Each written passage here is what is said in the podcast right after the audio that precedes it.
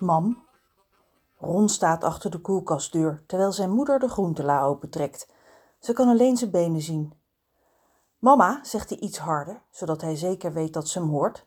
Hij drukt zijn neus tegen de koelkastmagneet. Het is een mannetje in een bootje. Op de rand staat in gouden krulletters Greetings from Venice. Ron draait zijn hoofd naar links en naar rechts, zodat het bootje heen en weer zwiept. Nu wordt het mannetje vast zeeziek. Hm, hoort hij.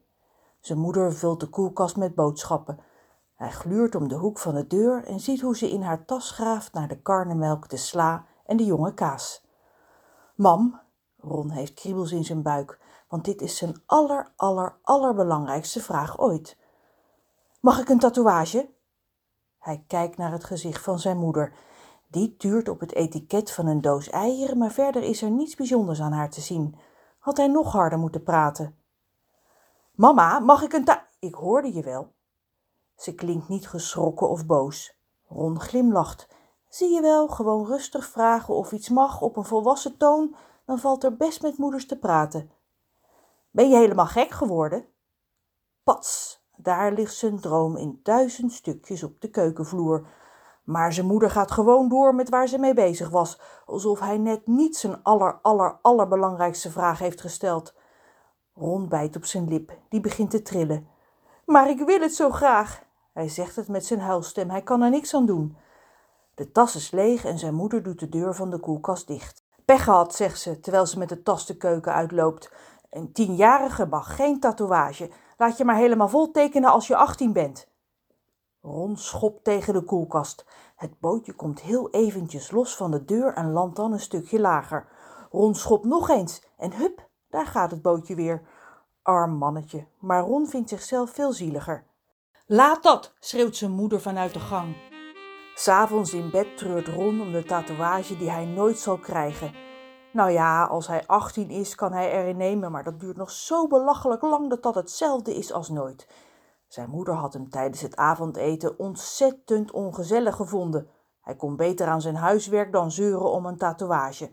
Trouwens, stel dat ze het goed zou vinden. Ron kreeg even hoop toen ze stel zei. Stel dat ze zo'n moeder zou zijn. Wat zou men dan wel niet van haar denken? Zijn vriendjes, hun ouders, de juffen en meesters op school? Een kind van tien met een tatoeage, het idee alleen al. Misschien zou ze zelfs worden opgepakt door de politie, moest zij uit huis worden geplaatst, omdat zij een moeder was die zomaar doodshoofden op haar kind liet tatoeëren.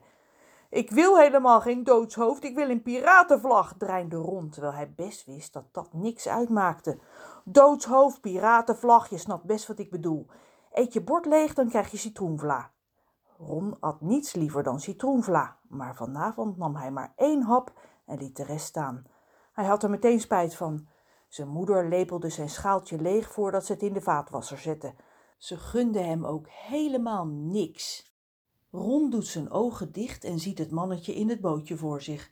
Hij droomt al bijna, denkt hij.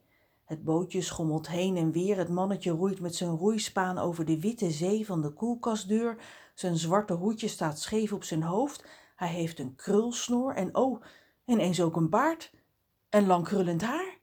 Het hoedje is nergens meer te bekennen. En wacht eens even, het mannetje wordt ook twee keer zo groot en zo dik. Dat kan het bootje niet hebben, denkt Ron, straks zinkt het nog. Maar dat gebeurt niet. Het mannetje is veranderd in een reus, die Ron aankijkt en begint te glimlachen. Het is een aardige lach, vindt Ron. De reus verandert nog steeds terwijl hij zijn duim naar Ron opsteekt. Op zijn wangen, in zijn hals en op zijn blote armen verschijnen plaatjes in allerlei kleuren. Tatoeages, denkt Ron blij. Voordat hij in slaap valt, ziet hij nog één ding. De woorden Greetings from Venice op de reling van het bootje zijn verdwenen. In plaats daarvan leest hij Groeten uit de Dorpstraat. Volgende week aflevering 2. Luister je ook? Goed zo.